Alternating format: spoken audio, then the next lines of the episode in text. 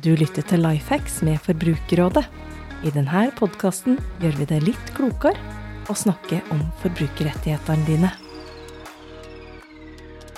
Nå er romjula her, og i de stille dagene så er det fint å drive med hobbyer og aktiviteter eh, innendørs, mens vinden uler og gradestokken kryper godt under null. Og vi skal i dag snakke om en hobby som mange driver med, nemlig gaming. Velkommen til Lifehacks i Forbrukerrådet. Jeg heter Maren van Buren Struksnes. Eh, gjest i dag er vår egen spillobbyist og gamer Ailo Krog Ravna. Velkommen. Takk, takk. Og hei igjen til deg, Thomas Iversen, forbrukerjurist og også inhouse gamer i Forbrukerrådet. Hallo, hallo. I dag så skal vi tre ta for oss eh, det som kanskje framstår som en ganske særegen greie for en del, men eh, som faktisk er noe man møter i svært mange spill, nemlig egen virtuell valuta.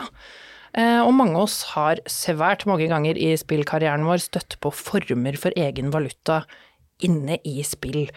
Men Thomas, kan ikke du starte helt sånn innledningsvis med å forklare, eh, hvis det er noen der ute som ikke har dette helt eh, på greip, hva er virtuell valuta i spill? Hvordan ser dette fenomenet ut? Jeg er helt enig at det kan virke litt sånn abstrakt og rart hvis ikke du har spilt så mye selv, og virtuell valuta er eh, kort forklart egentlig lekepenger som spillutviklerne har laga, som du kan kjøpe for, for ekte penger og bruke i i spilluniverset, da, inni, inni spillet. Og veldig mange spill er jo nå gratis å spille, og der er det enda vanligere enn før at uh, virtuell valuta dukker opp, og at det er mulig å kjøpe den for ekte penger. Så det er på en måte Hvordan, hvordan ser dette her ut, da? Eh, er det da en egen liten sånn hundrelapp som jeg kjøper med en ekte hundrelapp, på en måte? Ja, det er mange, mange forskjellige måter at sånne virtuelle valutaer kan, kan se ut som. Eh, du kjøper de for eh, ekte penger, og de ser av og til ut som eh, gullmynter, det kan være andre typer fantasipenger, eller så kan det være alt ifra krystaller eller andre ting som passer inn i akkurat det spillet, da. Og så kan man bruke disse igjen til å betale for ting inne i spillet. Så bruker du de til å kjøpe ting inn i spillet igjen, så det er egentlig da litt flere lag da, før du får eksempel handlet en sekk med virtuelle frø, hvis du skal plante deg en uh, spillåker, da, og dyrke litt spillkorn, så må du fort kanskje kjøpe litt virtuell valuta for å få råd til det. Så det er nesten som å være på ferie, jeg må veksle inn før jeg får lov til å kjøpe noe? Det kan faktisk minne litt om å være på ferie, eller som å være på kasino. Ja, du sa det jo godt, eh, lekepenger man kjøper med ekte penger til bruk i spillet. Og Ailo, du og Thomas, dere jobber i talende stund med å skrive en rapport om dette ganske så utbredte fenomenet. Men jeg lurer jo litt på, da, hva er egentlig poenget med virtuell valuta? Hvorfor velger så mange spillprodusenter å inkorporere det som en del av spillene sine? Ja, Poenget med det er vel kort fortalt å få deg, forbrukeren, til å bruke mer penger i spillet.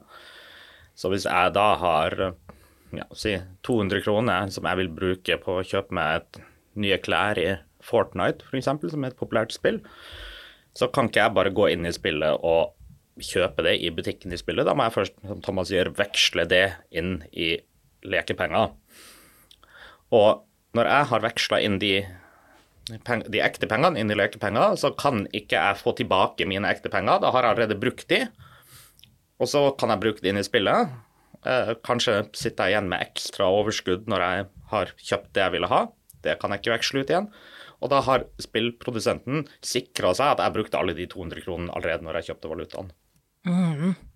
Men er det Jeg bare sliter litt med argumentasjonen. Eh, er det sånn at det er ment å bidra til at man liksom lever seg mer inn i spillet, eller hva, hva, slags argumentasjon bruker man for å på en måte prøve å melke ut penger av folk her nå? Ja, det er jo et argument vi har hørt fra bransjen tidligere, eh, at hvis jeg spiller et rollespill, og så kommer jeg til en, en mann i en butikk som sier hei, du kan få kjøpe et nytt sverd av meg, men det koster 250 norske kroner, så tar det meg ut av den fantasiverdenen. For i den fantasiverdenen har vi ikke norske kroner, vi har ja, si daler. Så dermed må du først gå inn i en annen butikk, som kanskje ikke er inne i spillet, men som er på én meny, og kjøpe daler. Og så kan du ta de med inn til han mannen i butikken og kjøpe spreddet ditt der. Vi mener jo da at det kanskje ikke det argumentet henger ikke så godt på greip. For du må jo fortsatt da gå inn i den menyen og kjøpe de dalene for norske kroner. Så du har jo i praksis bare lagt på et lag til, eh, som jo òg gjør det vanskeligere å vite hvor mye penger ting faktisk koster. Ja, ikke sant. Og for oss som er oppvokst på 90-tallet, så høres det jo kanskje litt grann tullete ut, eh, for på den tida så fantes jo ikke dette fenomenet, og jeg vil jo tro flere av oss allikevel har ganske minneverdige spillminner fra den tiden. Men eh, vi får vel kanskje bare henge med i utviklinga likevel, da. Eh, det er jo fort sånn at når forbrukerne forventes å bruke ekte penger i spillverden, så dukker det ratt opp noen forbrukerproblemer. Du har jo vært inne på litt her nå, Ailo, men hva slags utfordringer er det Forbrukerrådet ser med denne sånn utstrakte bruken av virtuell valuta? Ja, som sagt så blir det jo mye vanskeligere å holde styr på hva du faktisk bruker. Eh, fordi at du som sagt først må veksle inn, og så koster noe ja, Fortsette med daler-eksempelet, da, så koster noe 8000 daler. Og så må du da i hodet veksle det om hvor mange norske kroner er det. Det, det gjør det ganske abstrakt å vite hvor mye ting koster. I tillegg til, eh, som sagt, kan du ikke få refundert det. Du har ikke noe angrerett eh, når du kjøper, no, kjøper sverdet i spillet. Eh, fordi du allerede gjorde en transaksjon når du veksla inn pengene dine. Og så kan du ikke ta med de pengene ut og bruke det i et annet spill når du først har veksla det inn, så da er du på en måte fanga inn i det systemet til spillet da, med de pengene dine. Så det er jo noen av de utfordringene vi ser på i den rapporten. Og så er det jo sånn at uh, ulike spill benytter ulike former for valuta, så det går jo ikke an å flytte disse pengene imellom ulike spill heller. Absolutt, og noen av spillene vi ser på, bruker jo mange forskjellige valutaer bare i det ene spillet i tillegg, sånn at du kanskje først må kjøpe en type valuta for ekte penger, og så må du veksle den valutaen du kjøpte, inn i enda en type valuta, og så kanskje du kan bruke det på noe i spillet. Og det gjør det jo veldig forvirrende, da. Da må du jo nesten være regnskapsfører for å klare å holde styr på ting. Ja, og det sier seg jo sjøl at det kan være vanskelig, og særlig når vi også ser at det her dukker opp veldig mye spillmynter på ganske unge barn. Eh, Blant annet så er det jo flere av de spillene vi ser på, bl.a. blant annet Roblox. Spilles jo av veldig mange barn som er ti år, kanskje yngre enn det. Eh, og de legger på sånne lag som jo gjør det helt umulig for en voksen å henge med, men i hvert fall for et barn. Mm. Ja, og det henger jo på en måte ikke helt eh, på greip for den, den, jevne forbruker å se for seg dette her, fordi at barn sånn generelt, når barn skal bruke penger, så har vi jo ute i samfunnet eh, på vanlig vis så har jo det ganske sånn strikte rammer. Det er ganske ulovlig å markedsføre ting mot barn, og barn skal liksom ikke oppfordres til å bruke penger på ting. Men det gjør de altså når det kommer til dette med virtuell valuta, Thomas. De ser i, vi ser det i mange spill som er rettet direkte mot små barn eller barn. Ja, det ser vi, og det er jo helt riktig som du, som du sier. Når du er en bedrift eller en spillutvikler eller en butikk eller hva som helst og skal lager reklamer, da, og du har lyst til at de skal i hvert fall treffe barn på et eller annet vis, så må du være veldig forsiktig. Markedsføring, dvs. Si reklamer som er retta mot barn, det skal ikke så mye til for at det er ulovlig. Og det er ikke lov i det hele tatt å gjøre det som kalles direkte kjøpsoppfordringer retta mot barn. Man har ikke lov til å si til barnet 'hent lommeboka di', eller 'mas på mamma og pappa'. Mm. Det har du ikke lov til å si til barna. Men så skjer det som Ailo beskriver, at spillene er konstruert sånn at kjøpsprosessen og kjøpepresset og de butikkene egentlig kommer helt organisk inn. Og da oppstår den reklamen helt av seg selv, også uten at barna egentlig merker det. Og som Ailo nevnte jo Roblox, et veldig, veldig populært spill blant, uh, blant barn de har eh, Det er jo en, en utgangspunkt en fantasiverden, sånn slags uh, sandkasse der man kan uh, være, og så har det utrolig mange små minispill i tillegg man kan gå inn i. Det har uh, det omsatte for nesten 3 milliarder dollar i, i fjor, eller fram til september i år, da. Og det er nesten utelukkende basert på at de selger sin egen virtuelle valuta, som har det klingende navnet Robucks altså et ordspill på, på slang-begrepet for amerikanske dollar, bucks. Uh, og det er vanvittig mye penger. Uh, og der skal du ikke se bort ifra at en stor del av den fortjenesten fort kan skyldes at markedsføring har vært skrudd sammen på sånn måte som ikke var grei overfor barn. Men hvorfor får de lov til å fortsette med det da, når dette så tydelig er ulovlig i alle andre, eller på alle andre arenaer utenfor på en måte akkurat inne i spill? Nå har vi sett på spillmarkedet litt systematisk i, i flere år, og, og, vi ser jo at den industrien har eksistert på en måte i en bakgate, eller litt sånn under radaren for både tilsynsmyndigheter og regulatoriske myndigheter. Det vi er litt opptatt av i den uh, rapporten vi jobber med nå, da, er å se på egentlig to, to spor. Om man kan bruke eksisterende regelverk til å gjøre noe med denne problematiske praksisen. For vi har ganske mye god regulering i dag som allerede kan gjøre den verste praksisen, i hvert fall, allerede ulovlig. Og, hvis ikke det er mulig, eller som et supplement, at det går an å faktisk eh, gå litt hardere til verks og faktisk forby de mest inngripende formene for virtuell valuta. Ja, for dette lurer jeg jo fælt på nå som jeg er så heldig at jeg har samla de to klokeste hodene på feltet her i samme rom. Hva skal vi gjøre med dette? Det er det vi prøver å finne ut av nå, da, mens vi jobber med den rapporten. Og vi har jo kommet fram til et par ting, eh, Ailo. Vi ser jo først og fremst på et behov for å regulere eh, virtuell valuta direkte når det brukes digitalt. Sånn at man ikke bare blander det sammen med all annen regulering, men også går litt mer konkret til verks. Og da kan det være et poeng å gå inn for et rent forbud mot uh, penger mot lekepenger. Er det mulig, Ailo, å gå inn mot noe så hardt som et forbud mot en virtuell valuta i spill? Ja, vi mener jo at det er såpass få, eller egentlig ingen, fordeler for forbrukere med og først måtte gå og veksle inn de her pengene i lekepenger før du kan bruke penger i spillet. Så vi mener at det her er jo kun en pengemaskin for bransjen, og ganske uetisk er det òg. Eh, så vi mener jo nå er, Nå kommer det en prosess fra EU som skal gå gjennom regelverket på digitale plattformer, mm. forbrukerplattformer. Og der kan det fort være på bordet at man kan gå inn for en sånn type forbud. Og i så fall vil jo det da gjelder for hele EU og Norge. Så vi går rett og slett så hardt ut ved at vi, at vi tenker at det her er eh, veldig påpasselig med å be om et, eh, om et forbrudd. Det er veldig eh, konkret og godt, men hvis vi ser på argumentene til spillbransjen da, hvordan skal det bli å spille spill framover etter et sånt forbud? Blir ikke det veldig kjedelig og veldig mye mindre innlevende da, om vi kvitter oss med det? Vi tenker jo ikke at det blir det, fordi vi er ikke ute etter å forby en en spilløkonomi. Fordi det er veldig mange spill som er bygd opp rundt det eksempelet til Ailo, at du er ute og spiller i spillverdenen, samler ressurser, samler lekepenger og samler alt mulig rart. Så kommer du til en by eller til en kjøpmann, så kjøper du et eller annet fordi du har, har tjent eller sanka i spillet. Det er innlevelse, og det jo, gir jo en følelse av å faktisk ha oppnådd noe. Og det er fortsatt noe vi mener åpenbart fortsatt må være lov, men det er den at du da kjøper en av disse tingene du også samler ut i verdenen for ekte penger, for å deretter gå til en kjøpmann, det tenker vi fort kan bli forbudt. Og du kan bare presisere at vi ønsker jo heller ikke å forby at du kan kjøpe ting i spillet. Mm. Altså det at du kanskje vil ha en ekstra, en tilleggspakke i spill, eller at du vil kjøpe noen kule klær i Fortnite, eh, det kan for så vidt være helt greit. Problemet vi peker på er at du da ikke bare kan gå inn og betale for det. Du må først veksle det inn. Det er det vi mener bør forbys. Ja, så det blir enklere å holde oversikt over hvor mye penger man bruker. Nettopp. Ja.